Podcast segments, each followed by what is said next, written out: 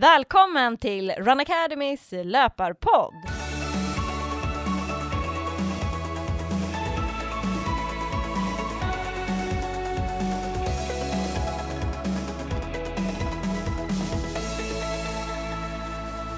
Det här är podden för alla er som gillar löpning. I dagens avsnitt kommer jag, Petra Kindlund, som har startat Run Academy tillsammans med kollegan och elitlöparen Johanna Bäcklund att djupdyka oss i träningslära och framförallt fokusera extra mycket på pulsbaserad träning och olika tröskeltester, varför man ska göra det. Hej Johanna! Hej Petra! Vad tror du om dagens avsnitt? Jag tror att det här blir ett väldigt spännande och lärorikt avsnitt.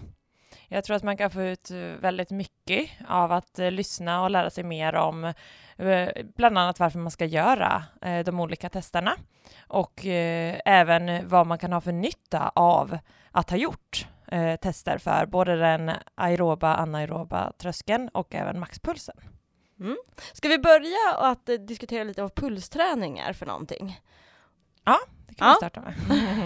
ja, men, vad, för, för någon som inte alls känner till vad pulsträning är och maxpuls och allt vad det är, hur ska vi starta?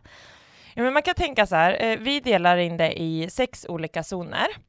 Eh, och puls eh, baseras ju på, alltså en maxpuls som du har, alla har ju en maxpuls, som man har en vilopuls och man har arbetspulser som är olika beroende på hur fort du springer, om vi utgår från löpning. Maxpulsen, det är alltså en eh, konstant, eh, man kan säga att det är liksom ett tak, så högt kan du nå. Och den pulsen kan man inte påverka. Du kan inte påverka din maxpuls. Däremot så är det så att maxpulsen sjunker lite med åldern. Eh, och man, man kan ha lite så olika fasta värden, 220 minus åldern och sen är det lite olika, men det är, varierar väldigt mycket. Så vissa har högre, även om de är 40 år så kan de ha en maxpuls på 200, eh, medan andra kanske har en maxpuls som är 20 år som har en maxpuls på 180.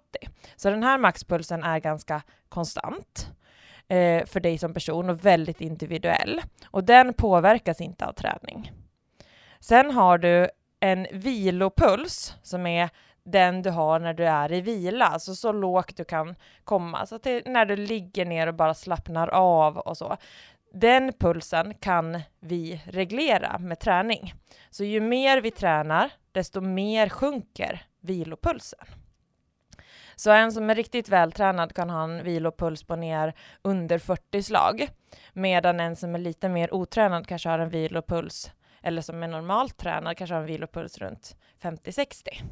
Vad har du för vilopuls? Uh, jag, när jag, haft, jag brukar alltid ta med klockan när jag sover och ligger riktigt och vilar, men när jag, det jag har mätt till eh, när jag har till exempel bara suttit i soffan så har kommit ner mot 42. Mm. Mm. Det är bra. Och eh, anledningen också att vilopulsen sjunker är ju att slagvolymen på hjärtat ökar, alltså att hjärtat klarar av att slå ut mer blod per slag.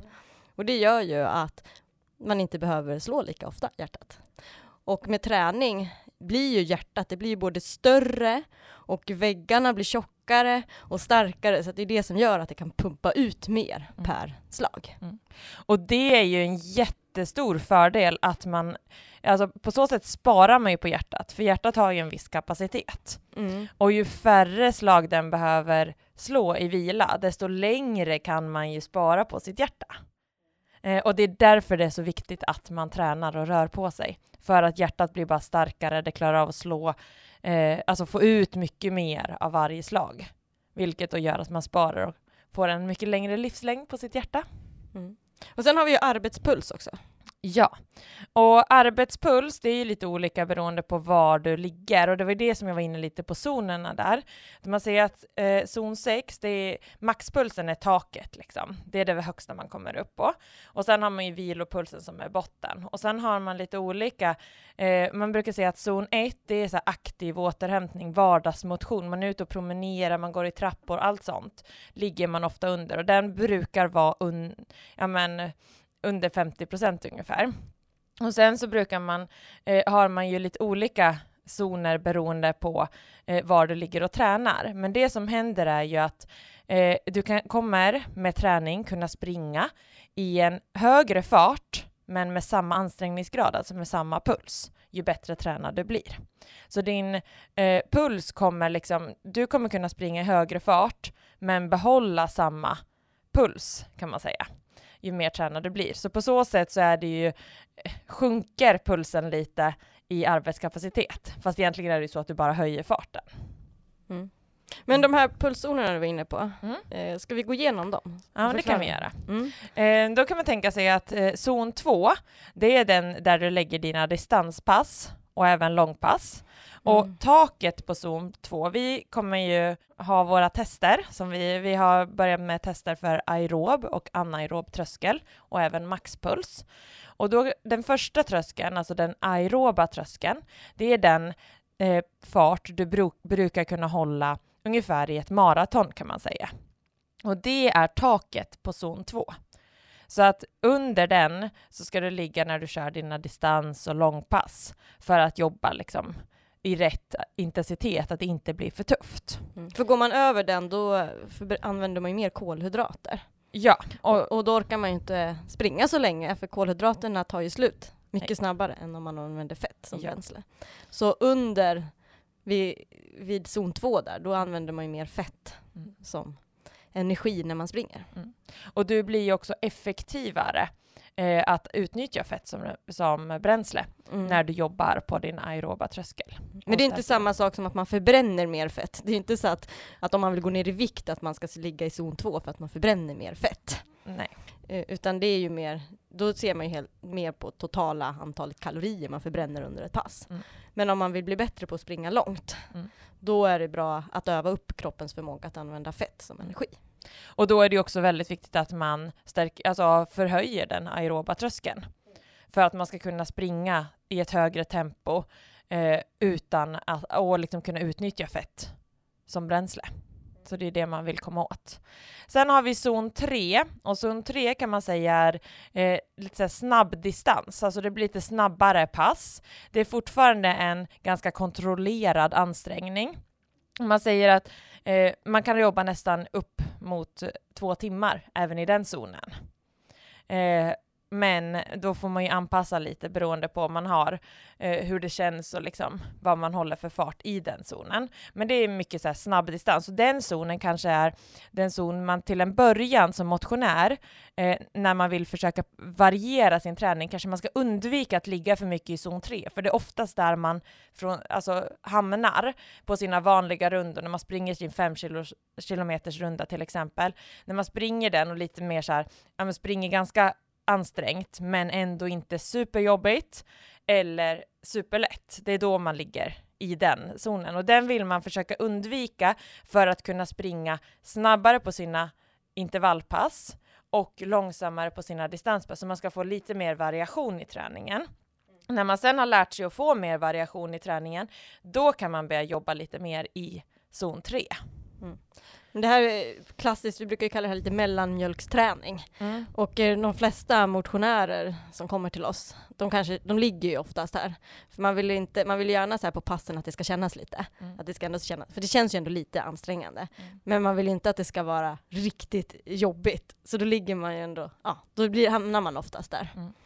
Och det sliter ju inte lika mycket som att köra tuffa intervaller. Nej. Men däremot så förbättrar man sig inte så mycket när allting ligger i ganska samma tempo. Utan Ja. det är just variationen, att kunna springa snabbare men också kunna springa långsammare som ger mer effekt. Just det. Och eh, man behöver ju också komma upp i lite högre puls Mm. om man vill utmana hjärtat lite mer och få mer träningseffekt. Och det får man ju inte om man bara ligger i zon 3.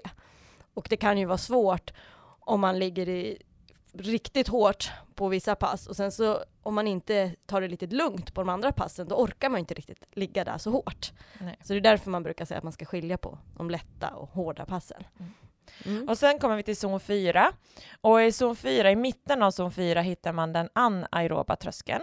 Och den anaeroba tröskeln är den som vi brukar kalla för mjölksyratröskeln. Alltså det är precis under den tröskeln man vill jobba för att man vill förskjuta den här anaeroba tröskeln så att man ska kunna springa i ett högre tempo med en högre puls utan att dra på sig mjölksyra. Och den anaeroba tröskeln indikerar på var vi drar på oss mjölksyra.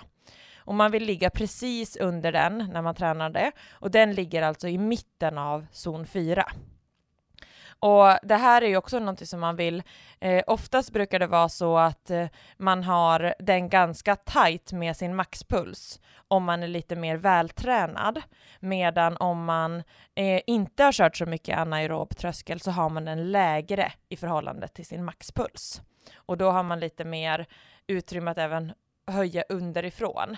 Om du är väldigt vältränad så behöver du köra mer fart för att höja din anaeroba tröskel ofta. Men det beror ju också på lite vad man är för typ av löpare. Ja. Alltså är man mer kanske mer kortdistansare, Mm. då har man ju oftast högre tak men kanske inte så bra. Man är bra på att tåla mjölksyra, Ja. eh, men man kanske inte har den här tröskeln så högt. Så det kan ju- Det kan skilja lite också på vad man är för typ av löparprofil. Men då tänkte jag på långdistans. så. Exakt. Så- Om man tänker mer långdistans så är oftast det en stor begränsande faktor Mm. för löpningen. Att, man, att, att den tröskeln inte är tillräckligt högt. Det är inte alltid bara syreupptagningsförmågan som påverkar hur, hur snabb man är på att springa helt enkelt. Eh, och sen då har vi eh, zon 5. Alltså egentligen kan man tänka att mycket av vår intervallträning ligger i zon 4 och zon 5.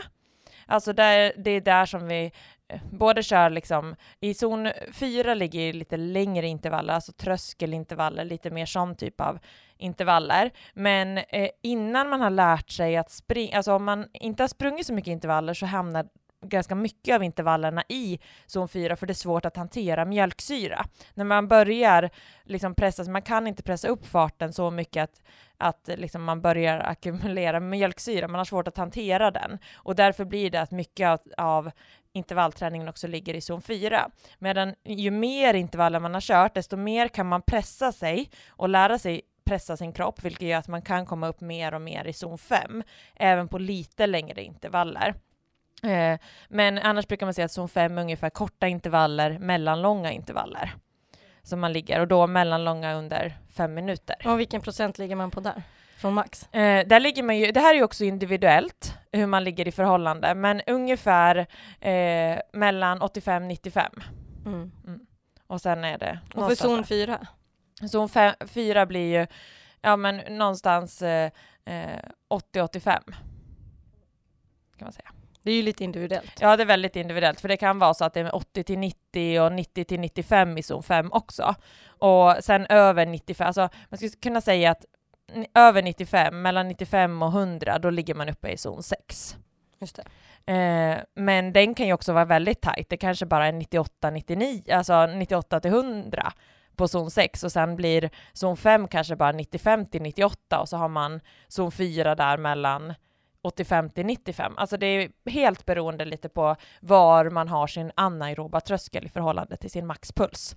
Hur zonerna riktigt utspelar sig. Ja. Och sen under ett pass, om man kör intervaller, då Mm. kan man ju ligga lite på, på både 4, 5 och ja, en, kanske inte 6 om man inte, då ska det vara väldigt eh, hårda intervaller, men, Mm.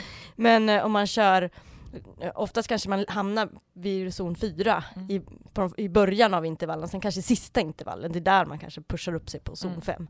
För man orkar inte ligga på zon 5 alla intervaller, då måste man ha ganska lång vila om man ska Mm. orka ligga där. Och sen zon 6 är ju verkligen så mjölksyratålighet. Mm. Där är det ju eh, ganska korta intervaller men eh, med väldigt hög mjölksyra. Mm. Och sen att man har lång vila emellan så man kommer ner liksom. Och sen kan man pressa upp där igen. Det är riktigt tuffa, vidriga pass. Jag, jag tävlade mycket på medeldistans. Då sprang jag 8-1500. Då var ett klassiskt pass var fyra stycken 400 meters intervaller med fem minuters vila. Mm. Och då ska man ju springa max allt vad man har på 400 meter. Och sen så ska man ha fem minuters, man behöver faktiskt fem minuter då. Mm. Och sen ska man upprepa det. Eh, och då efter sådana pass så kunde jag ligga 30 minuter och typ känna mig svimfärdig och typ spy. Ja. Alltså man, man får så mycket mjölksyra. Det är ju riktig så här mjölksyraträning. Mm. Eh, Men den eh, typ av träning behöver man kanske inte riktigt som, som motionär eller om man överhuvudtaget ska springa längre distanser. Eh, Utan då vill man ju mer bli bättre på att, ja men me- det är ju viktigare då att träna mer på den här zon 4 och höja sin tröskel. Mm. Och sen en viktig sak är också, även om man vill då förbättra sin aeroba tröskel, som är alltså där man blir effektivare med att förbränna fett, alltså där behöver du ju de här tuffare intervallerna också för att förhöja den aeroba tröskeln. Så mm. det är mm. inte bara att du ska köra distans, massa distans, massa långpass för att du ska bli bättre i din aeroba tröskel, utan du behöver ju utmana för att också höja den. Mm, exakt. Så det man kan tänka är ju att det viktigaste är ju verkligen att man får variation i träningen. Mm. Eh, och när man har fått lite variation i träningen, det är då man sen kan liksom mer specifikt gå in på okej, okay, vad behöver exakt du får till? Time to fly the grind find I know. Grind to find the blind mind to show. Keep the flow, I know to let it go. Off the top the dome, I let it blow. Get it like, oh, wanna get flow, but I keep that, oh. What get team, but I got that, whoa.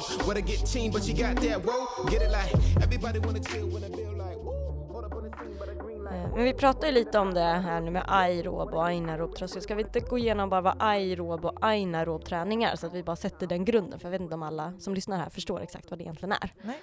Absolut. Vad, vad skulle du säga skillnaden på aerob och anaerob träning? Eh, anaerob eh, betyder ju utan syre.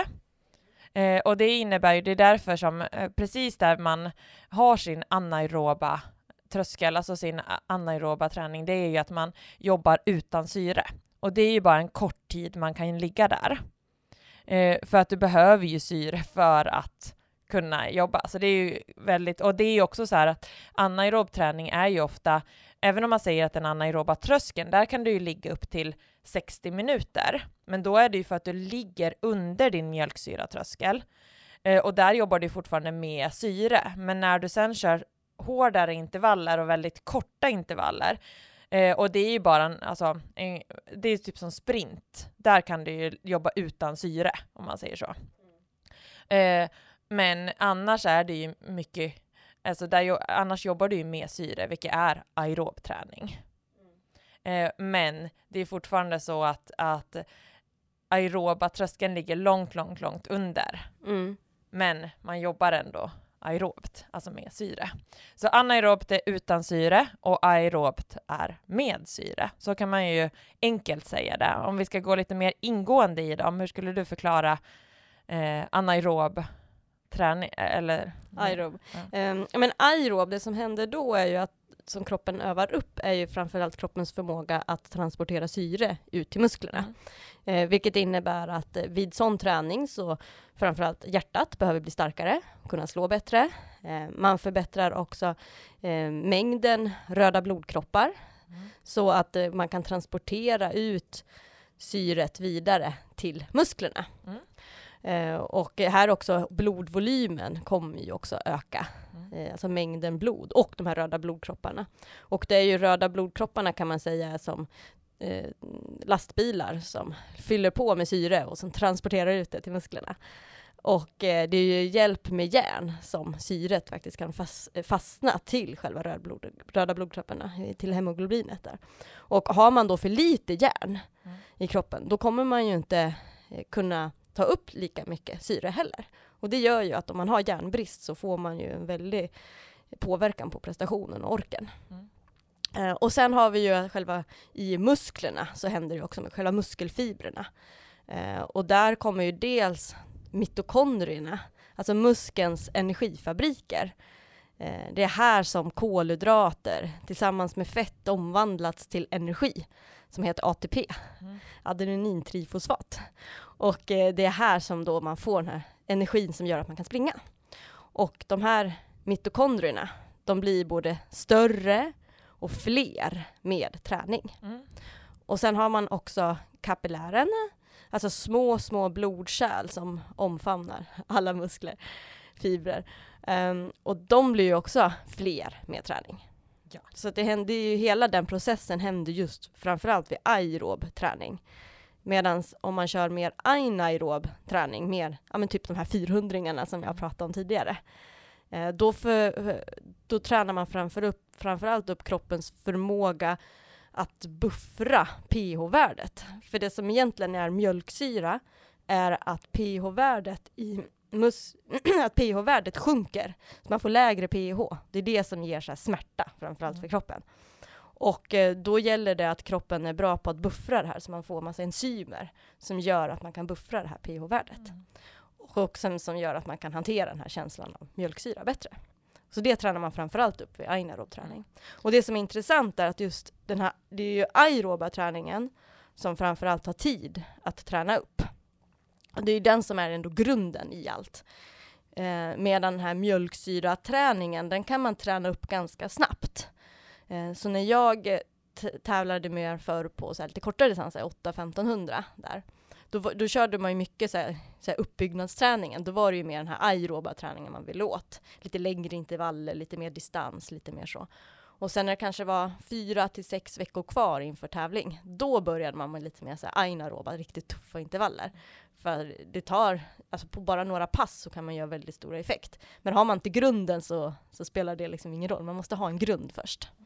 Mm. Och det är därför det är så viktigt att man tränar upp den aeroba uthålligheten mm. eh, genom att man även alltså, ligger långt över där och kör intervaller. Mm. Eh, så att man får utmana hjärtat och just får, får liksom alla de här delarna som du precis var inne på. Mm. Och att man också får med distansträningen.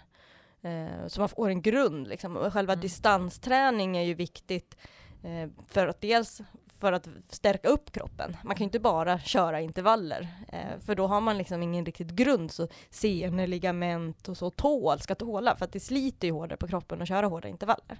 Ja. Så distansen är ett sätt att, att stärka upp kroppen så att man tål mer. Mm. Eh, men det är också bra för löpekonomin. Men det är kanske inte är det effektivaste om man vill få ett starkt hjärta, liksom, för det, du kommer inte så högt i puls. Liksom. Men, eh, utan då är det ju mer effektivt om man att komma upp i lite högre pulser.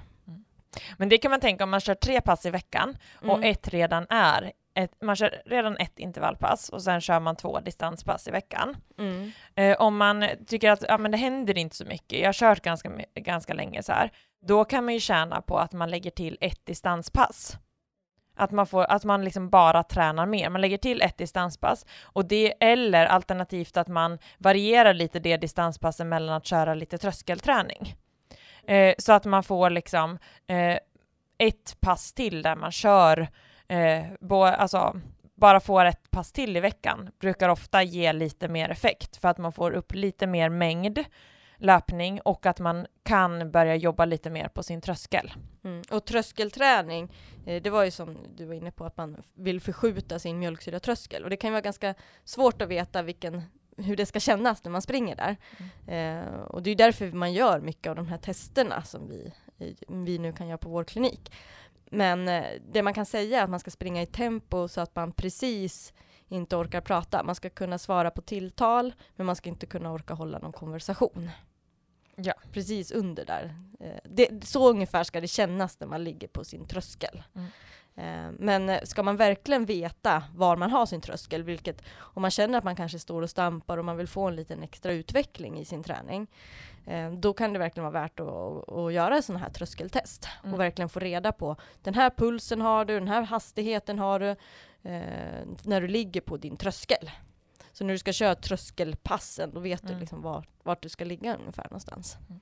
Sen handlar det ju också mycket om just det här med tröskel och om man får sin puls, man får sin fart mm. eh, och det är egentligen det man, den fart man kan hålla om man springer i 60 minuter. Mm. Som, som eh. man kör så här 20-30, alltså konstanta.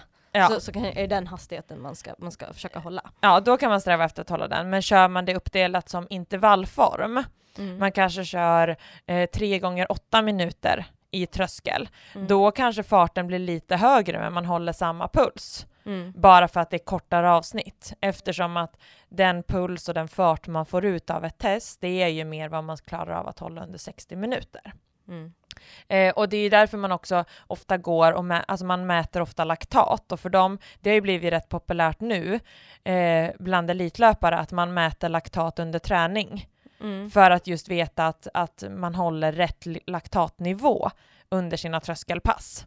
Och, och de, där kan det ju vara kortare intervaller till och med som man kör i ett mycket högre tempo vad, än vad ens uppmätta tröskelfart är, men man håller sig under laktatnivån, man håller sig under eh, i den puls ändå för att man får vila emellan.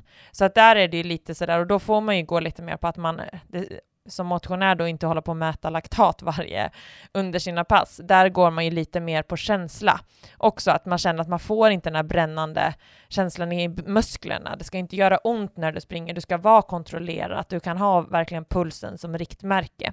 Det brukar jag säga också till mina PT-kunder som jobbar mycket i tröskel, att de inte behöver stirra sig blind på vilken fart de håller, utan mer ansträngningskänsla mm. och mer att hålla rätt puls. Mm. Eh, och där märker man ju ganska snabbt, alltså går det över den anaeroba puls, pulsen så blir det ju så att du drar på dig mjölksyra och du har mycket svårare att ligga där. Mm. Medan ligger du precis under eh, så känns det rätt behagligt och du kan hålla på väldigt länge. Mm. Men jag tror att eh, just de här testerna, det kan framförallt vara bra för någon som kanske inte är så van löpare. För är man mer van löpare, då, då, då, då vet man lite mer hur det ska kännas när man ligger på sin tröskel. Man vet lite mer hur det ska kännas när man ska jogga ett distans och ligger där i zon 1-2. Mm. Medan är man inte så van löpare så vet man inte riktigt hur det ska kännas. Och då kan det vara verkligen bra att ta hjälp av dels göra ett sånt här test så man har sina pulszoner och sen också använda sig av pulsklocka. För många löpare, eh, liksom motionärer, de kör ju oftast för snabbt tempo på sina distanser, fast man tror att det är lugnt. Mm. Men det ger ju inte riktigt det, den effekten, utan man ligger högre, så man använder mer kolhydrater som energi och inte tränar upp den här förmågan att förbränna fett. Mm. Och, och, sen så på kanske tröskeln och kan man också är lätt att man ligger lite för högt där, eller att man kanske ligger lite för lågt. Man är lite så här, ja men det, det, är lite skrämmande att komma upp så pass högt. Så då ligger man lite för lågt istället och då får man inte riktigt den effekten heller. Nej. Så jag tror framförallt det kan vara bra om man inte är liksom jättevan löpare och verkligen känner sin kropp, att det kan vara bra att göra de testerna då.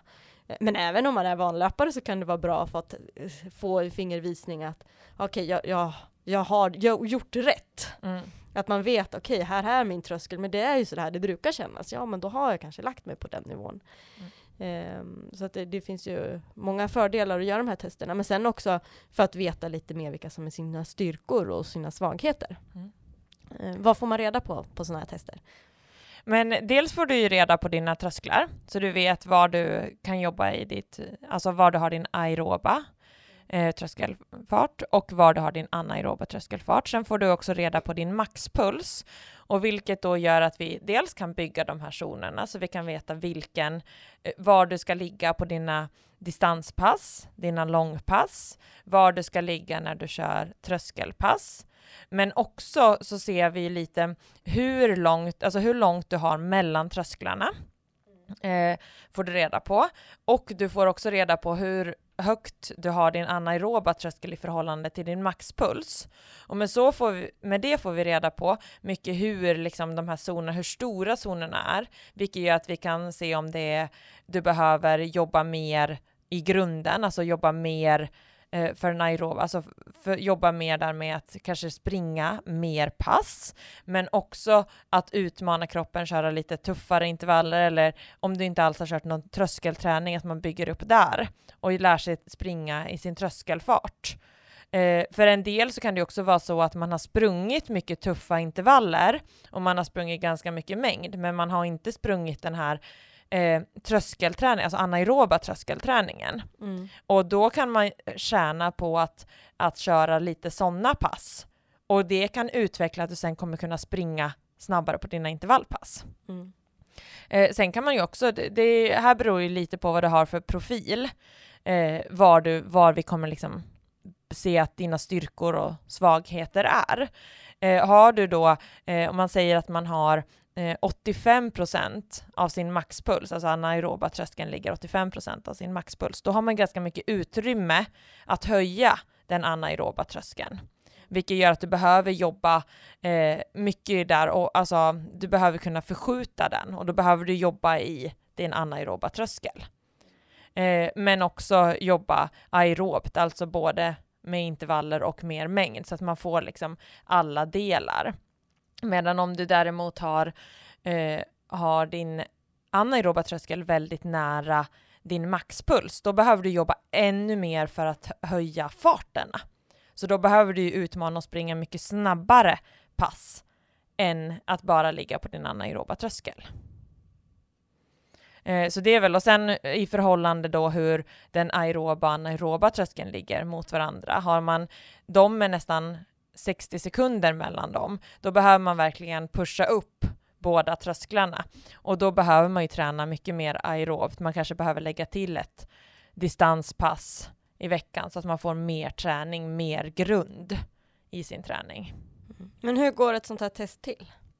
Eh, det går till så att eh, man kommer till vår testklinik eh, på Sjövikskajen eh, i Liljeholmen och eh, där innan så får man svara på en liten hälsodeklaration så man får reda på, vi frågar lite om eh, bakomliggande träning, hur träningen har sett ut de senaste månaderna, eh, om man har några sjukdomar och lite annat som vi frågar upp där inför testet. det går man igenom när man kommer hit, så man får lite fingervisningar och man pratar ihop med en testledare. Vi bestämmer då fart som man ska starta i. Sen värmer man upp ungefär fem minuter och efter det så jobbar vi med att få fram den aeroba och anaeroba tröskeln i block om fyra minuter. Så man jobbar i en då bestämd fart i fyra minuter och sen mellan varje sådant block så mäter vi laktat och kollar puls. Hur mäter man laktat? Eh, det gör man med en laktatmätare så man får ett finger, alltså vi stickar i fingret så man får fram en bloddroppe och så sätter man bloddroppen till laktatmätaren och då kan man se vad man har för laktat. Så man startar alltid med att innan man värmer upp att börja med att ta vilolaktat så man har ett utgångsvärde och sen så när man ser att från det lägsta värdet, ofta när man har värmt upp och kört det första blocket så brukar laktatnivån sjunka lite. Eh, och då är det från det lägsta värde man har och upp en millimol som är den aeroba tröskeln som man får fram med den metod vi jobbar. Och sen så är det, fortsätter man med fyra minuters block, man höjer farten hela tiden. Här är det lite beroende på hur van löpare du är, vad du har för liksom, om vi höjer en halv eller en eh, kilometer i timmen. Eh, och sen eh, så jobbar man då fyra minuters block för att få fram den anaeroba tröskeln. Och där är det mellan, från föregående eh, fyra minuters block till nästa fyra minuters block, när den också har höjts med en millimol, det är då man får fram den anaeroba tröskeln. Och sen jobbar man vidare för att få fram maxpulsen och mäta laktat. Hur lång tid tar ett sånt test? Eh, det är ju lite beroende på var man startar och hur, många, hur mycket man kan höja åt gången. Det beror lite på hur man... Eh, har man inte gjort tester tidigare så är det ju svårt att veta riktigt. Då behöver man vara lite säkrare, vilket gör att man kanske behöver höja med lite kortare mellanrum mellan. Så att bara att få fram den anaeroba aeroba tröskeln så kan den ligga på en nästan 30 minuter. Mm. Man kan behöva göra eh, ja, 6-7 block. Mm. Och sen så fortsätta för att få fram den, eh, få fram maxpulsen. Mm. Men runt eh, 45 minuter kanske borde man vara klar med allt. Mm. Och där kör man ju på löpan då? Ja. ja. Med fin utsikt kan vi säga också, mm. över eh, Liljeholmskajen här och vattnet. Mm. Årstaviken. Årstaviken, ja. Mm.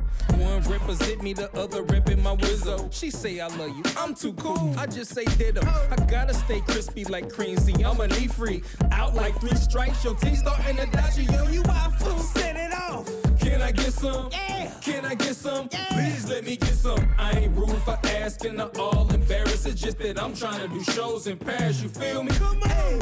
Can I get some?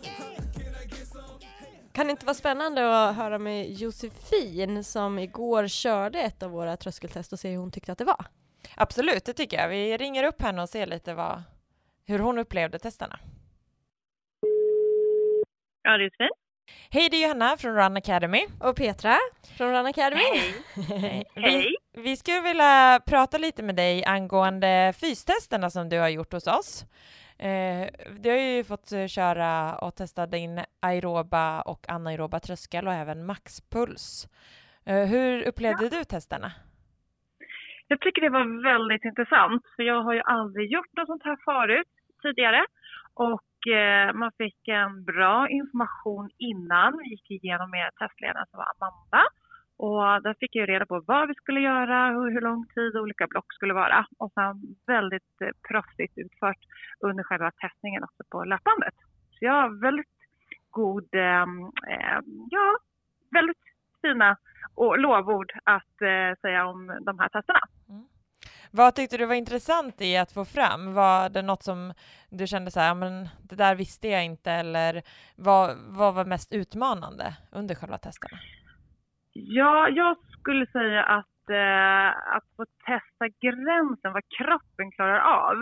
Eh, ni hade ju en så kallad borgskala där man fick uppskatta sin förmåga själv med ansträngningen. Det tycker jag att jag har haft rätt stor koll på tidigare. Men det här var väldigt intressant att pressa sig ändå lite till. Eh, för man orkade mer än vad man trodde. Så det var en positiv eh, erfarenhet att ändå av pushningen från testledaren så klarar man av väldigt, väldigt mycket mer. Eh, så det var väldigt intressant att få reda på helt enkelt. Mm, och då främst för att få fram sin maxpuls. Så får man ju passa. Maxpulsen, Mm. precis, Mm. exakt.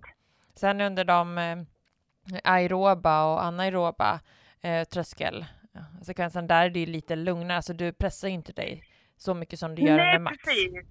Det är en lugnare så att säga, löpsätt, löpningen, och man kunde fokusera på både teknik, som jag är mycket för att eftersom Run Academy är så bra på att eh, få ut och lära ut tekniken, så, så, så tänkte jag det, att här ska jag verkligen tänka på tekniken så att jag inte tappade den. Mm. Eh, så där kunde man koncentrera sig på det, men det var väldigt intressant att se också hur pulsen låg eh, gentemot då liten höjning som vi gjorde om man hade ett block som var ganska så, ja men fyra minuter och det gäller ju att man håller liksom samma tempo så att man inte eh, får ut allt för mycket energi och, och det blir väldigt, väldigt jobbigt. Så att det var också en erfarenhet som var väldigt bra och positiv och kul. Hur tyckte du det var att ta de här eh, laktattesterna? Inga problem. Jag eh, har inga problem att varken släppa ifrån mig blod eller att ta liksom själva sticket. Eh, det som var kanske det jobbigaste där, det är att hålla i liksom den här papperstussen för att inte det skulle liksom droppa blod när man inte skulle ge blod till laktattestet. Men Ja, det. eh, det var inga problem. Inte för mig. Hur, hur länge fick du springa på löpbandet? Oj, det kommer jag inte ihåg. Jag var så fokuserad på att höra på instruktionen. Så vad kan det ha varit? 40 minuter? Nej, jag vet inte. Det får nog vi kolla i rapporten. Men det var, det var ett tag. Absolut. Ja, hur var det då, mentalt att springa på löpband så länge? Eh, för mig gick det bra igår, för jag hade så väldigt bra testledare som sagt var. Så peppar och instruerar hela tiden. Nu är det fem sekunder kvar, nu ska du gå av och så vidare. Men jag är ingen person som tycker det är jättekul och spännande att springa på löpband. Så det var en utmaning mentalt. Men det var ju jättefin vy ut från kajen här. Så att eh, det gjorde ju det bättre och höstvädret så att man får titta ut på något fint. Så det gick bra faktiskt. Mm. Toppen! Ja, men tack Josefin för att vi fick ringa upp dig. Ja, tack själva. Men det är intressant att eh, ändå lyssna och se hur eh, de som gör eh, testerna upplever att det känns och sådär. Och just det där med, som Josefin var inne på, att det är rätt tufft mentalt att springa på löpband, men att eh, när man kan dela in det i så fyra minuters block och även ha någon som står på sidan så gör det det ändå lite lättare. Och just att köra på löpband det blir ju lite mer, eh, det blir samma förhållanden om man gör testerna igen. Eh, för då kan man ju verkligen sätta in, det är, eh, gör man utomhus tester så påverkas det ju av mycket annat. Just. Sen var det intressant att höra att hon tyckte det var så kul att få testa sig upp till maxpuls där. Och få verkligen testa sin gräns och se hur det känns. Eh, så det var ju kul att hon tyckte att det var så spännande. Mm. Fast det kan vara så tufft. Liksom. Mm. Mm. Ja men verkligen. Ja, det var kul. Det här har ju varit ett väldigt informativt avsnitt där vi har verkligen gått igenom en del grejer som kan vara lite svåra att förstå. Så jag tänkte att vi avslutar avsnittet med att sammanfatta det vi har pratat om så att ja, för det som kanske inte riktigt har hängt med ändå kan få förstå lite lättare. Ska vi köra? Testa? Ja. Ja, eh, vad är, vi börjar med maxpuls, vilopuls, arbetspuls, vad var det för något? Eh, maxpuls är den puls du inte kan förändra. Du kan inte påverka den med träning. Eh, vilopuls, det är den som sjunker eftersom att hjärtats kapacitet höjs och du kan därför, hjärtat kan slå färre slag men pumpa ut lika mycket blod. Eh, och arbetspulsen är den puls du har när du, jobb, när du är ute och springer.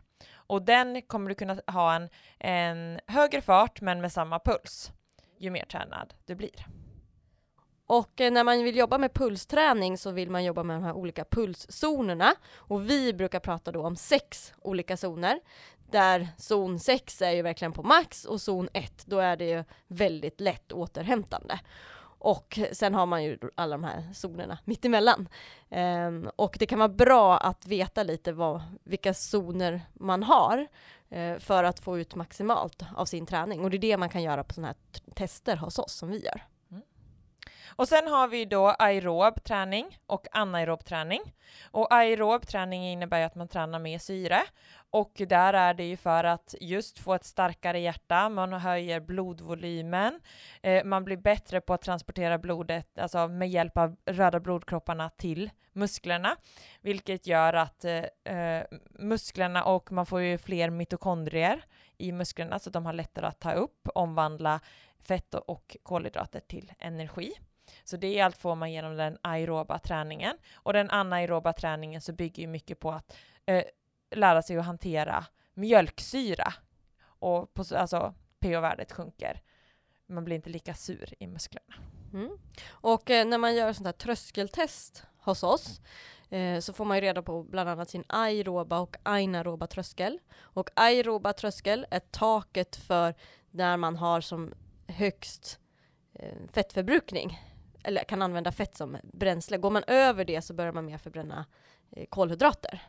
Och den anaeroba tröskeln, det är där gränsen för mjölksyra börjar. Så går man över den så drar man på sig mer mjölksyra än man hinner bli av med.